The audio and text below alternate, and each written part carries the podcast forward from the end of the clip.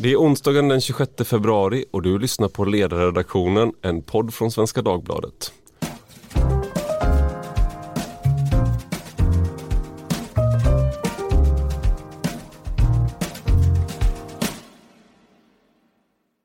Jag heter Ivar Arpi och idag ska vi tala om ungdomsrånen. För ingen har väl undgått diskussionen om ungdomsrånen.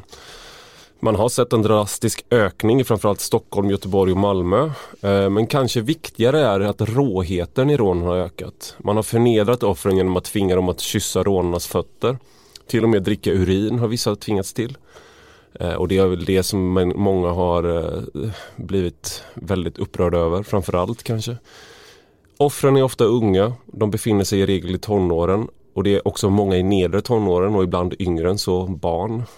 Det handlar inte bara om rån heller. Ibland verkar gäng från utsatta områden mest vara ute efter att roa sig genom att misshandla sina offer. Och hur väljs offren ut då? Jag har själv skrivit om att medelklassbarn eh, ses som lätta offer tidigare. Och det är sant, men förmodligen handlar det om mer än så.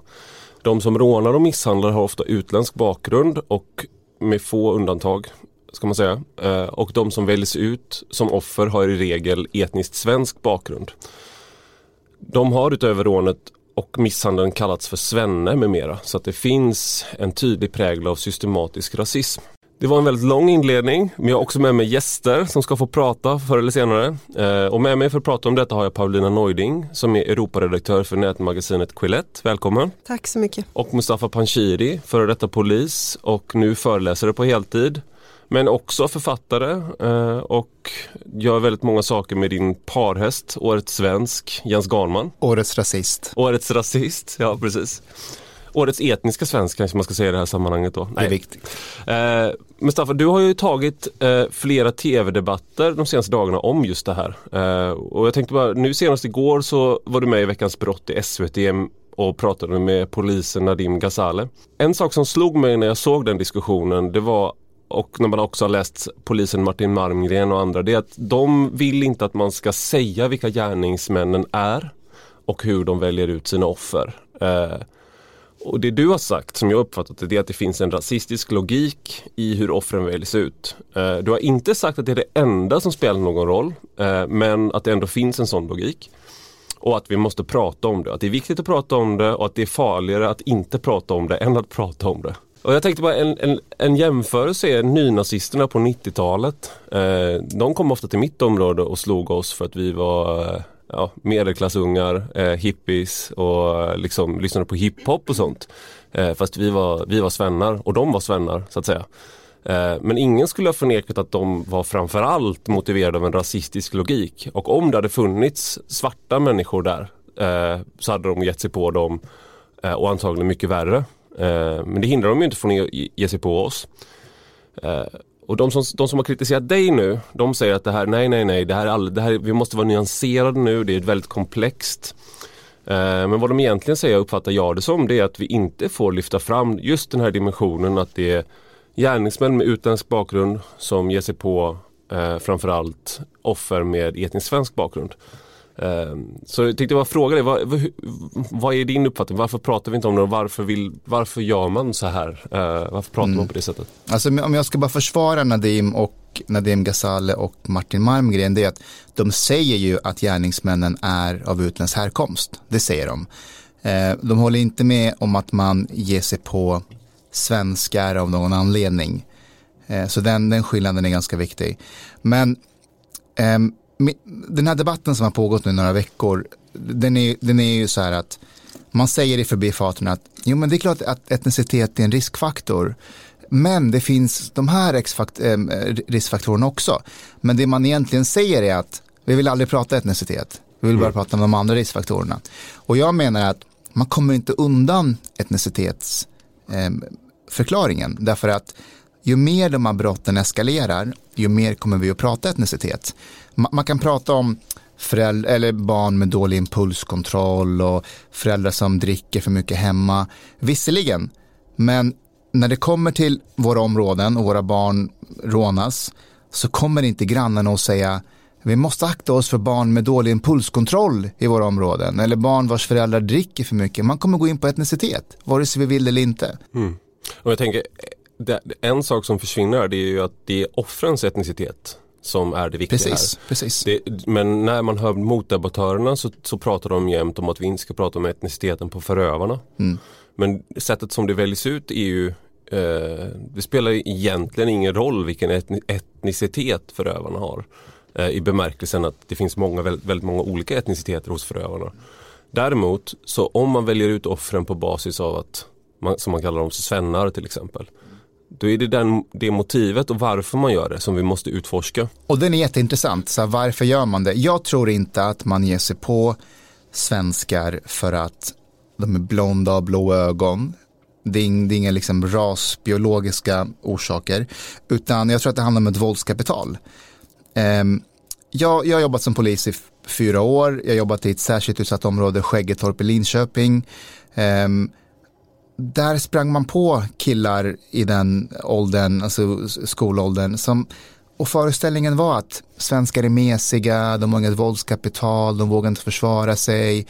Um, det enklaste man kan göra det är att ta saker från en svensk som är full. Uh, för de, de bara ger, ger sig ifrån det där. Uh, men också att man har överlåtit våldskapitalet till staten. Mm. Um, och i det här fallet så kan varken staten försvara, anser man, eller svennarna själva. Så det, det är, liksom, det, det, det, är en kulturell förklaring också. Så man kan ge sig på en ensamkommande ung afghan som är här utan våldskapital. Um, men man undviker också att ge sig på den här stora killen med anabola eh, eh kropp som kommer ut från något gym i, i Stockholm och är etnisk svensk. Men han har ju våldskapital. Så det behöver inte vara hudfärg, hårfärg. Här finns ju en paradox också. Ju, ju mjukare svenska killar blir och ju mer liksom, eh, genuspedagoger vi har och låter dem gå lös på, på liksom svenska pojkar, eh, desto mer utsatta blir de här pojkarna för den här typen av hypermaskulina, eh, i då meningen i en negativ mening, alltså en, en negativ eh, machokultur. Eh, ja, de, blir, de blir helt enkelt mer utsatta för den typen av eh, eh kontext, sammanhang. Men jag, jag vet inte om jag helt håller med om detta. Jag tror att det visst finns en, eh, liksom, att man går på hudfärg och det är en proxy, precis som det kan vara en proxy för när man kollar som då i ett område att det kommer ett gäng med människor som har mörk hudfärg. Som det du varnar för. Att man då kommer säga, vad fan gör ni här, stick härifrån. Att det är det som kommer vara liksom eh, så här, medborgargarden som eh, gå på människor som är oskyldiga liksom. Eh, på basis av en sån. Så på samma sätt så har man ju, har ju de som utser offer en racial profiling. Eh, en sak som jag tänker är också bortom det här med genus och sånt där. Det är ju att man, hur många man är som umgås. Alltså hur stor är en konstellation av så här, svenskar när man umgås när du åker in till stan. Du är kanske tre, fyra pers eller någonting. Eh, och hur många är det när du åker in till stan från ett utsatt område? Jag kommer ihåg när jag gick på gymnasiet så började jag i en skola där nästan de flesta kom från utsatta områden och sen var vi några som kom från andra områden. Vi som gick de teoretiska linjerna. Eh, och en av dem som gick i, i samma klass som han, han såg ut som en kickers. Eh, det var första gången jag lärde känna någon som såg ut som en kickers. Jag tänkte att if it walks like a kickers, if it talks like a kickers, it's probably en kickers. Men det var det inte. Utan vi blev kompisar och man fattade att aha, det är liksom, växer man upp på ett sånt område så är det klart att man kommer se ut som människor som bor där. Men sen träffades vi på Göteborgskalaset i Slottsskogen och så här, hej hej, så här, vinkade till varandra och var med, varandra, med, med, med kompisar. Liksom. Jag var med fem kompisar, han var med 40 kompisar. Eh, och det, det där är något som har slagit mig många gånger också i de här fallen att det spelar ingen roll om du har våldskapital eh, om det kommer 10 pers eller om det kommer 5 pers och går på en person. Eh, och då att, att de brottsoffren ändå väljs ut. Om du tar någon, liksom, den tuffaste killen i orten liksom, eh, och du bestämmer dig för att råna honom mm. så kommer du kunna göra det. Om du är fem pers. Det finns ju så här video på en av de här som är med i eh, Dödspatrullen och Shottaz har ju en, eh, de här två grupperingarna, de har ju en pågående fade. Det finns en video på dem där en av dem blir kissade på. Alltså en av de högst uppsatta i, eh, i Shottaz eller om det är Dödspatrullen blir mm. påkommen ensam. Och de misshandlar honom och kissar på honom. Så det är inte så att det inte sker. Men om man kan så väljer man hellre eh, men offer som, som du säger som man uppfattar som lättare offer. Men jag tror inte det här med att man liksom, om man bara hade haft ett våldskapital hade man kunnat stå emot. Kanske. Men om, om det är fem pers eller bara tre pers så är det svårt. Det är min, min reflektion. Nej men det är säkert sant och det är, det är helt enkelt olika umgängesmönster och att man kanske inte umgås i så mycket blandade grupper därför att eh, tjejerna gör någonting annat eller är, ja, i många av de här områdena så är tjejerna inte ute i samma omfattning som killar så det är mer mansdominerat och större grupper. Jag tänker också du som är då vår, vår blick mot världen som jobbar på en eh, sån här engelskspråkig eh, tidning, mm. Quillette. Yes. Eh, vad, vad, hur, hur, är det här någonting som du märker av eh, liksom att de här rånen och det här, är, eh, vi, vi pratade för ett tag sedan om Sverigebilden väldigt mycket. Mm. Hur, hur går det med Sverigebilden nu? Jo, det kom faktiskt en nyhet igår, eller idag, från Svenska institutet att eh, Sverigebilden är god och positiv och att det är bara i Polen som, att det, som det ser sämre ut för Sverigebilden. Och det här förklarades då eh, med att liksom, ja, mediebilden är så negativ i Polen, men vi hoppas att det här repar sig. Och jag tror att det är ganska naivt, för att eh, jag, jag, träffar väldigt mycket människor som är eh, rätt välinformerade om vad som sker i Sverige och som är väldigt eh, ja, förbluffade av 230 explosioner på ett år till exempel. Det är ganska anmärkningsvärt. Oavsett medierapportering så är det en stor sak i sig. Det finns, eh, det är klart att det finns en enorm nervositet, inte minst i, i exportsektorn. Alltså det finns en enorm oro eh, för att, Sverige, ja, att vi inte ska kunna rekrytera eh, högkvalificerad arbetskraft i Sverige till exempel. folk vill inte komma hit och bo här och ha vår fantastiska work-life balance om det finns en risk att barnen ens liksom, eh, på något sätt exponeras för eh, fenomenet explosioner. Så eller, att, eller kiss i munnen. Skratta inte. Nej men det, det, är klart att så som brottsligheten ser ut i Sverige, den, den typen av upp, utveckling. Vi, vi har ju någonting som är unikt just nu jämfört med våra grannländer och det är bara att titta på siffrorna. Liksom. Eh, man har inte explosioner i den här omfattningen i Norge och Danmark. Man har inte gängskjutningar i samma omfattning och så vidare. och så vidare. Jag träffade faktiskt den nya justitieministern eftersom Framstegspartiet eh, hoppade av regeringen så fick de en ny och så kom hon mm. hit till Sverige och då ville hon träffa kloka människor och då mm. ringde hon eh, flera andra men också mig. Så var vi på lunch och så fick vi frågan liksom, ja, men, vad ska man göra då?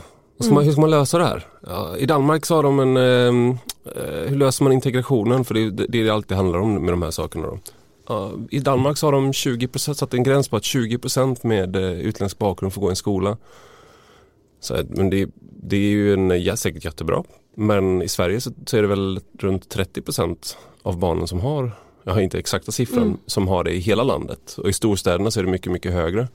Så 20% det är liksom en eh, då bor du i en, en segregerad eh, ort där det är väldigt få invandrare så att säga. Eh, så att det, vi har passerat det stadiet. Och det är väl det som de blir lite tagna av och även det här med ungdomsrånen och sprängningar och sånt där. Att det, och jag tänkte vi komma in på det. Vad är lösningen mot de här eh, ungdomsrånen? För jag tänker på Det var en av de här rånen, jag håller på att läsa väldigt många domar just nu. Jag kommer skriva om det här. Eh, mm. Men där var, han misshandlade, alltså ett antal, tio pers var han skyldig till att misshandla och råna. Liksom. Eh, och han eh, skulle ha fått, tror det var tre års fängelse om han var vuxen. Vilket i sig är skrattretande. Men nu eftersom han bara var 15 tror jag så tänkte det till nio månader. Och eh, Så nu fick han vara hemma istället. Eh, eller om det var i öppen ungdomsvård eller någonting. Så det var extremt milt för att göra väldigt grova saker. Det vill säga att människor som sitter ner och kysser dina fötter, som du sparkar allt vad du kan, som du sparkar på en fotboll i huvudet. Eh, och du gör det tio gånger. Nej, men det, det, första som måste ske är ju att vi har det som håller på att ske nu, att vi får en öppen debatt om de här frågorna utan att man liksom skriker rasist på människor utan att man lägger, lägger fakta på bordet och säger vad är det för fenomen vi har, har att göra med egentligen. Och det här är inte bara ungdomsrån utan det är en sån här sak som eh, systematiska åldringsrån. Det är ju samma sak i den gruppen att det håller på att sätta sin prägel på en hel generation åldringar, att man är orolig för att öppna dörren, att man inte vågar eh, lita på folk som kommer och utger sig för att vara eh, poliser eller vaktmästare eller hemtjänst därför att det sker så pass mycket och så systematiskt. Och där finns det också en aspekt att man verkar inte ge sig på människor i den egna gruppen. Den här typen av brott som kräver liksom en, en särskild, ett särskilt mått av, av känslokyla eller en bestialitet till och med.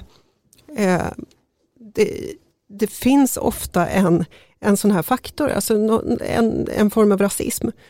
Och det är, så, det, det, är så paradoxalt att vi har en debatt där å ena sidan så pratar man om strukturell rasism och statsministern säger att alla är egentligen rasister, utom de som eh, är beredda att gå in, lura och misshandla 90-åringar.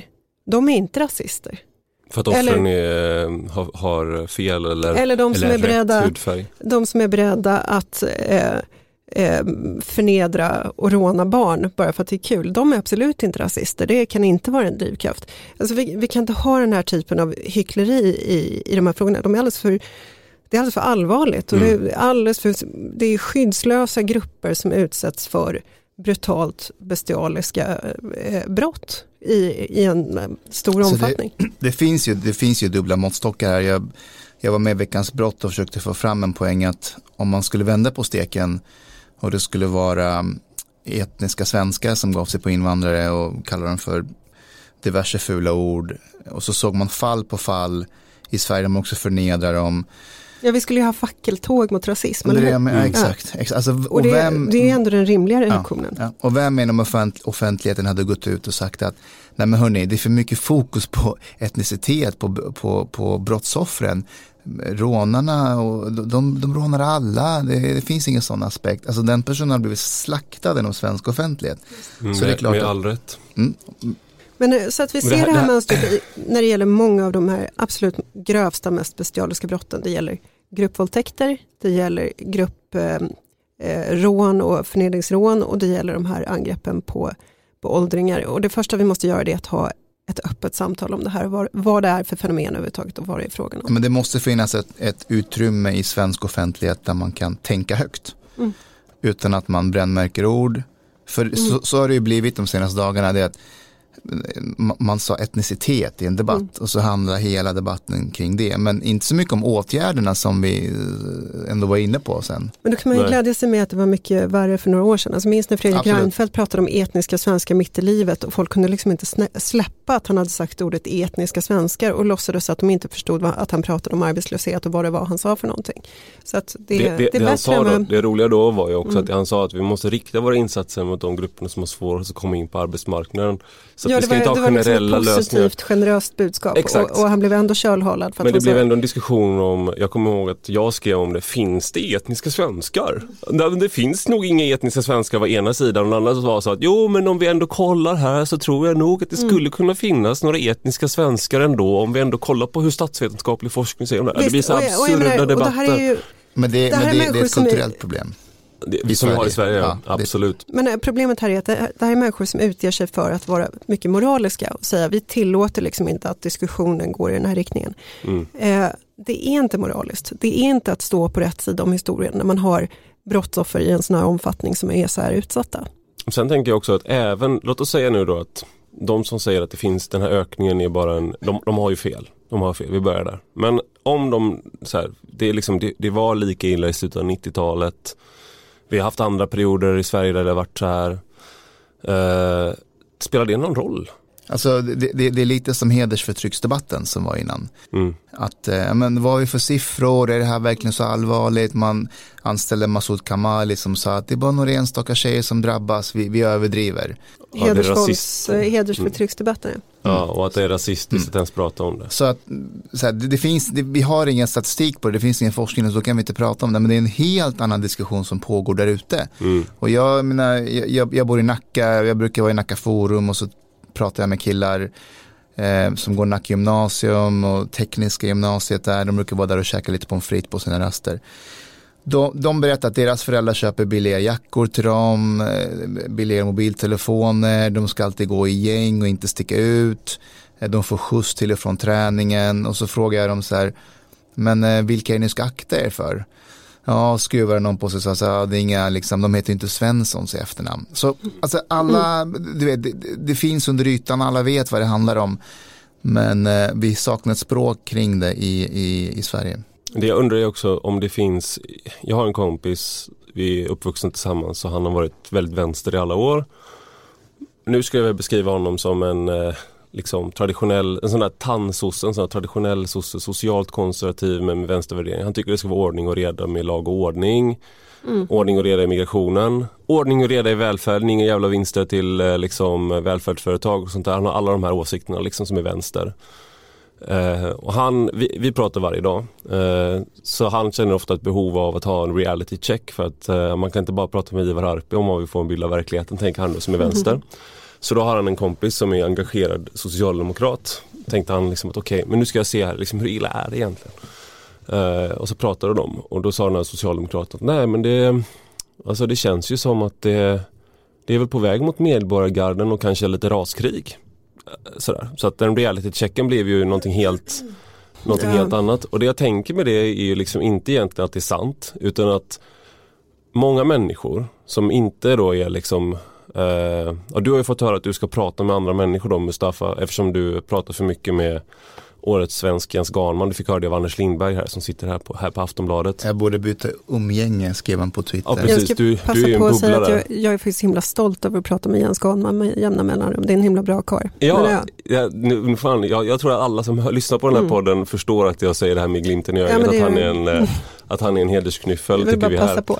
Eh, men i alla fall då tänker jag liksom att eh, ganska fort så kan sådana här saker ta en obehaglig sväng, eh, en obehaglig vändning när det gäller just etnicitet.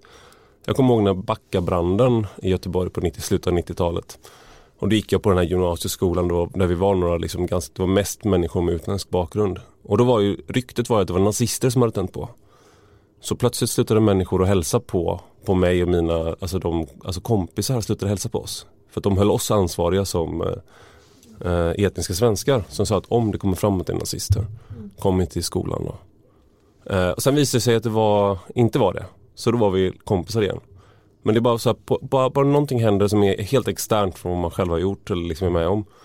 Så plötsligt hålls du ansvarig. Och jag tänker på samma med eh, de här eh, Rodney King när han misshandlades av vita poliser i USA i början av 90-talet. Då blev det ju rasupplopp i USA, alltså svarta. Eh, för han, de poliserna friades för att ha misshandlat honom, vilket var av en helt vit jury. Vilket verkar liksom, det var ju ett justis, alltså det var ju helt absurt. Uh, och det var ett tecken på rasism mm. med största sannolikhet Absolut. mot svarta. Men då började svarta mobbar dra vita människor ur bilar och misshandla dem till döds. Och de vita människorna satt inte i juryn. De vita människorna var ju liksom inte en av polisen som hade misshandlat utan men de hade samma hudfärg. Uh, och det är det här jag tänker med liksom att det finns en sån dynamik i hur du väljer ut offer. Till exempel när du rånar. Och det finns en sån dynamik sen när vi reagerar på det. Det är det, här, här, och det är det du har varit inne på just att vi kan reagera Majoritetssamhället kan överreagera på de här sakerna mm. också. Om vi inte tar itu med det här. Mm. Och det är det jag är rädd för också. Ja, för att eh, jag ska utveckla det där, alltså för att när, de här, när majoritetssamhället kommer med, med, med en motreaktion, de som kommer drabbas kommer ju vara sådana som jag eh, främst. Mm. För de här människorna kommer inte ha någon hederskodex när de går runt och letar efter riktiga gärningsmän. De kommer säga, hej vi letar efter en afghan som gav sig på vår vän, vet du var han kan vara och var bor? De, de kommer ta den första bästa afghanen som kommer i deras närhet och, och göra hemska saker. Så det, det, är liksom, det är mina barn som kommer drabbas i framtiden. Mm. Det vill jag ju inte. Men då, jag vill ju att fler med utländsk härkomst ger sig in i den här debatten i offentligheten och mm. våga också äga den. Det här är ju lite slående att det är eh, precis som i invandringsdebatten att det var du och Nadim som satt och diskuterade det här Alltså jag kan i TV. Och jag, jag, kan tycka att en sak som jag stör, jag, mig, stör mig på det är, inte att det är inte att det är människor med utländsk bakgrund i de här debatterna utan det är att att den här, fortfarande så finns det verkligen finnas någon så här, om man ser ut som jag gör till exempel då.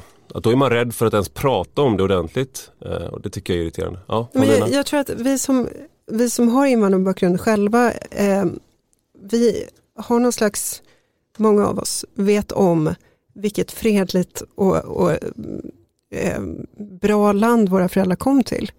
Och jag, menar, jag kan ta mig själv som exempel, jag är uppvuxen i Sollentuna. Och jag kunde springa runt i Sollentuna helt fritt som barn. Menar du, definierar du att komma från Sollentuna till Stockholm som invandrare? ja, precis. Ja. Eh, nej men, eh, andra generationens invandrare, jag växte upp i Sollentuna som var liksom en, en idyllisk och fin plats som var välfungerande. Det fanns inga fläckar på kartan dit man inte kunde gå därför att det var farligt eller det var liksom så inklusive Malmvägen. Och, eh, nu så, så pratar föräldrar till barn på Malmvägen om att vi vågar inte låta barnen leka ute efter alla skottlossningar. Mm. Och mitt första dagis låg på Malmvägen. Och det, det fanns liksom inte en tanke på att man inte skulle släppa ut barnen på den tiden. Um, och jag tror att det här med liksom, varför det är så många med invandrarbakgrund som är ute i den här debatten. Jag tror att vi, vi eh, du kanske, jag vet inte om du har samma upplevelse Mustafa, men vi har ju de här berättelserna om att här, man kommer från konflikt eller krig eller förföljelse, så kommer man till det här landet liksom, som är ja, men som, som bara är, där allting är välfungerande och fredligt och fint. Vi vet, och, vi vet var vi, vi kommer ifrån och vad vi kommer till. Och vi vet vad man kan förlora på något sätt. Mm. Alltså utan att låta smag på något vis. Men, men liksom det, finns en, det, det finns de här berättelserna. Jag, jag vill ändå bara nyansera lite för att där jag kommer ifrån så, ifrån, så var det liksom, det var väldigt mycket slagsmål. Jag eh, märker att du var, vill ha din gettokrädd här. Du har redan... det var, men det var väldigt mycket, det var en, eh, jag tror att det är någonting som har ändrats i Sverige. Alltså det, här, det, här är, det som är problemet med det här är att det, det är komplext för att prata för att låta som de som eh, vi just har kritiserat. Men att eh, det var väldigt mycket eh, alltså, droger, alkoholism eh, och, och, och, misshandel och folk liksom dödade varandra med kniv. Men det, var, det hade en annan det var ofta individer som var socialt utsatta som gjorde de här sakerna. Och att det var så att du, du visste liksom att de här få individerna, de är farliga. Och polit, du hade, polisen kunde arbeta med enligt the usual suspects metodik på ett sätt. Eh, och det övriga samhället runt omkring mm. var inte de tyckte att de, de, här var skit, de borde, de borde sköta sig, de borde inte supa, de borde inte slåss. Problemet med det här är ju att du har liksom, att människor, du har hela grupper i samhället som du på något sätt Eh, staten tappar, kont tappar kontakten med kontrollen. Och det, det, är det här över. som är den stora skillnaden. Alltså titta på Jordbro till exempel. Vi hade ett fall där med två frisörer eh, som blev hotade. Och man kunde se eh, bilder från övervakningskameran som sändes på TV4 tror jag, när det kommer in ett gäng och säger skatt, vi, vi ska ha skatt av er. Och de här frisörerna säger nej och de, de blir hotade och kommunstyrelsens ordförande kommer dit för att visa sitt stöd och medan hon sitter i salongen så kommer de här killarna tillbaka och säger skatt, vi ska ha skatt. Polisen till slut säger så här, det här funkar inte, ni får flytta från Jordbro för vi kan inte skydda er. Eh, när medier kommer dit, när journalister kommer till Jordbro för att göra reportage därifrån så blir de hotade. Alltså, det, här, den här, eh, det här försöket till utpressning, det är ju faktiskt bara toppen på en pyramid mm. i ett samhälle som, där staten är på reträtt och har tappat kontrollen. Så att det går liksom inte att jämföra det, det vi lev, upplevde det på 90-talet. Om det man skojar om med Ronny, Conny och Jonny som... Nej, men det, det går inte att jämföra ja. Sverige på 90-talet med, med den här typen av liksom fläckar där, där staten liksom drar sig tillbaka. Nej, och, och även liksom tidigare med stora raggargäng som misshandlar. Det, alltså det, det, är inte det, det, är inte, det är det som många tror att man förnekar att det har funnits sociala problem eller att det har funnits den här typen av problem. Det är det att det finns en ny dimension nu. Och jag tänker det som är intressant med det du, det du tar upp nu med det här med utpressning det är ju att det där är inte ett våldsfall. Nej. Utan det där är hotet om våld. Ja, eh, och att många saker som vi idag då när vi pratar om till exempel, om vi ser inte i statistiken hör det. Nej, men hur många så människor okay, men vem kommer... anmäler? Ja, vem, ja. Varför skulle man göra det om, om det förstör ens liv? Varför här, skulle man anmäla? Exakt, och det är det här som jag tänker med eh, när liksom eh, med sicilianska maffian till exempel. De behöver inte göra många av de här våldsom... Ibland måste de. Ibland när folk mopsat sig. Liksom. Men eh, i regel så vet folk vem det är som bestämmer. Och vem det är som så ge, ge, till, ge till den sicilianska kejsaren vad som tillkommer honom och ge till Gud vad som tillkommer honom. Du, du, du, du lever i ett samhälle med vissa värderingar och vissa saker som, fun, som, som, som funkar på ett visst sätt. Och då gör du det. Eh, du behöver inte liksom gå och misshandla någon för det. Det är som en eh, valfri Martin Scorsese-film. Det är ju inte våldet, det är hotet om våldet. Ja, som alla i filmen känner av. Och vi som tittar också. Ja, man, är alltid, man alltid, sitter alltid på nålar för att man yes. är, när, när, som helst så kommer det. Mm. Uh, men uh, en sak som jag tycker är uh, vad ska man säga, där jag tvivlar över att vi har rätt resurser för det här. det är ju just det att du går på individer i brottsbekämpning och nu provpratar jag lite och bara säger det. men det här är många av de här människorna som kommer från kulturer som är kollektivistiska. Eh, och det var det här tror jag du var inne på igår i Veckans brott också, just att eh, om föräldrarna drabbas av någonting i de här, då, då kommer det kanske ge, ge, resultat. Inte säkert, men till exempel att du blir av med bidrag, bostadsbidrag, socialbidrag. Eh, I värsta fall så vräks man. Precis. För då finns det eh, en, eh, då går du bredare än bara på individen. För där som du sa, Eh, att du kan till och med vara status. Att Yes. polisen är på dig. Mm, mm. Det är inte status att de är på din mamma däremot. Nej, för kolla, de här killarna, alltså, jag har ju hängt i liknande mm, umgängeskrets själv när jag var yngre. Alltså, ehm, om du hänger i de här gängen och så säger någon så här, något om din mamma eller din syster, då blir det världens liv. Så här, måste försvara systerns och mammans heder. Ehm, men om du går till polisen på ett förhör så kan det snarare vara en slags statushöjande. Eh, om, om du är ett sånt gäng och säger att du orsakar att man drar in socialbidrag och bostadstillägg på din mamma och så kommer du tillbaka till gänget och de säger så här, vad händer? Vi hörde att din, liksom, man har dragit in, hur, hur, hur, hur är det? Och du säger så här, ah, men liksom, fuck min mamma liksom, vad fan jag skiter väl i henne, får jag säga så här? Du, du får säga så. Alltså, eh, den personen kommer bli deklasserad ur det här gänget. För vem säger skit i min mamma, jag, jag, jag- skiter väl henne? Det är svenskarna, det är svennarna, de bryr sig inte om sina familjer. Men du måste göra det liksom. Så det, det är ett effektivt eh, det, det, det är en effektiv åtgärd om man, om man vill tänka i alla fall i, i de tankebanorna som finns i, i många av våra utsatta områden. Man tänker kollektivistiskt. Jag tror att man måste göra så att man måste anpassa sanktionerna efter den ehm, vad, vad som svider i den kontexten. Det kan vara att man får skämmas inför sin mamma. Att gå till polisen, det höjer din status, men om du får skämmas inför din mamma eller inför en klanledare, då kanske det sänker din status. Och det här har man ju tagit fasta på i Borlänge till exempel. Eh, så har ju ehm, ehm, somaliska PRO har hjälpt till att hålla ordning på bussar ett tag. Mm. Och förmodligen har man då förstått att den här mekanismen funkar bättre om du får skämmas inför din egen, eh, någon som är senior i förhållande till dig i, i din kontext så att säga. Eh, om det funkar vet jag inte, det kanske du vet bättre Mustafa om det har funkat i det här fallet. Men gör man det så tycker jag att man ska vara väldigt tydlig med också att det här är inte en situation som vi önskar. Vi, ty- vi tycker inte att det är speciellt kul att behöva skicka ut, inte svenska pensionärer, utan pensionärer ur samma etniska grupp, för annars funkar det inte. Mm. Eh, gör, man det, då, gör man det så ska man vara synnerligen tydlig med att det här är inte liksom eh, en glad och positiv nyhet, utan då, då har det gått väldigt långt och det har gått väldigt illa. Men fungerar det så ska det tillämpas. Det är så den svenska varianten av när Fukushima, den katastrofen där det var japanska pensionärer som eh, gav sig frivilligt in för att de hade så kort tid kvar att leva och räddade Japan då liksom. Och sen dog de av strålning för Japans skull. Det här är vår motsvarighet då. Jag vet inte, men, men de två sakerna måste man hålla i huvudet samtidigt. Använd det som de sanktioner som fungerar i den kontexten, men var väldigt tydlig med att det, det är ingenting vi tycker är en kul situation. Eh, om man ska in på lite mer åtgärder, alltså det finns ju en, eh, många säger att man måste jobba brottsförebyggande, brottsförebyggande, men jag jobbar brottsförebyggande, jag har gjort det de senaste fyra åren och åker land och rike runt och, och träffar människor, skolelever och, och, och pratar om de här sakerna. Eh, jättebra, fortsätt med det. Eh, förra året så fick 120 000 uppehållstillstånd i Sverige. Man kanske ska fundera på om det är rätt väg att gå i framtiden. Eh, Det kan vara brottsförebyggande, för just nu, de här problemen som vi ser nu, alltså det är som en så här kran som är, som öppet och så, och så springer alla runt med disktrasor och vill eh, torka vattnet, fast man kanske ska stänga kranen ett litet tag i alla fall. Det kan vara brottsförebyggande. Det finns Du ett- tar, du tar volymmetaforen till nästa Ja, nivå alltså, här. alltså, men jag tänker så här, att fylla på med fler klienter i framtiden när vi inte, det funkar uppenbarligen inte med integrationen idag.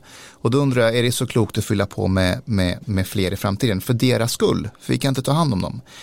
Eh, det är ett fåtal som håller på med de här brotten, alltså barnrånen. Eh, in, inkapaciterar man dem så kan man börja jobba brottsförebyggande på riktigt. Mm. Eh, de har sociala sanktioner mot familjerna. De kan vara väldigt effektiva. Eh, du vet, money talks. Drar man bort de här incitamenten så kommer vi kommer se några sorgliga fall. Men jag tror att, jag tror att man kan komma åt det. Ehm, eh, det, det. När jag pratar med ungdomar runt om i landet eh, de tycker inte att det är sådär jätteroligt att vi ger straffrabatter till gärningsmän som pissar deras vänner i munnen. Eh, man kanske fundera på om man ska straffrabatter fortfarande. Eh, det finns några saker man kan göra men då, då, då, då gäller det att man sätter lite fart. Jag tänker en, en annan sak som vi alla pratar om hela tiden men eftersom vi har de politiker vi har så sker det inte. Det är att sekretess, lättare att sekretesslagen hindrar polisen från att veta vad socialen vet. Mm. Och vice versa, man kan inte samarbeta över myndighetsgränser. Eh, och det är ju helt fullkomligt Ja. absurt, tycker jag. Ja. Eh, för att det är, liksom en, det, det, är en, det är en bra tanke för en annan tid. Att, Mm. att människor har rätt till den integriteten. Funkar inte nu. Nej, men jag tycker Mustafa säger någonting jätteviktigt. Att vi kan ju inte titta på de här problemen som separata från migrationsfrågan. Utan det här är huvudsakligen en, en, någonting att dra lärdom av när man pratar om migrationspolitiken, hur den ska utformas. Men jag Ja. tänker, det, det, det är också, för det är någonting som vi inte har pratat om här, det är ju liksom att eh, skolresultaten i flera av de här utsatta områdena har gått lite åt rätt håll som jag har förstått det. Det vill säga det är fortfarande, jag tror det är varannan människa som går ut utan fullständiga betyg. Men det har gått åt rätt håll de senaste typ tio åren som jag har förstått det i Malmö, Göteborg och eh, Stockholm, den generella bilden.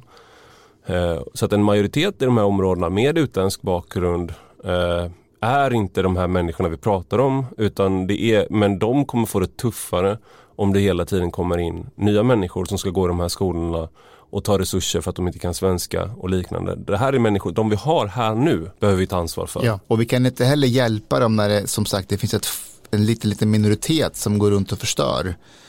Um, alltså poli, polisen och socialtjänsten kan jobba brottsförebyggande på riktigt om de här fåtalen försvinner. Och det är det här, Alltså- det är det här möter det absurda, det här med typ det här lågaffektivt bemötande med han den här dansken som tyckte att man skulle om någon är på väg att slå dig på käften som lärare så ska du blåsa den personen i ögat så löser du situationen. Och du ska ta ut hela klassen nu. Alltså det, alla de här sakerna skär in i varandra. liksom. Absolut. Och det, det är ju verkligen ett problem där det är ett bredare kulturellt problem Det är ett också. kulturellt problem ja, i att Sverige. vi, vi är väldigt, eh, vi har svårt att verkligen ta i när vi väl behöver göra Vi har det. en auktoritetsproblem i Sverige. Ja. Men det här med skolan, jag tror inte man ska måla en alltför positiv bild av den svenska skolan. Om man Gjorde jag tittar det? på, jag, jag vet inte.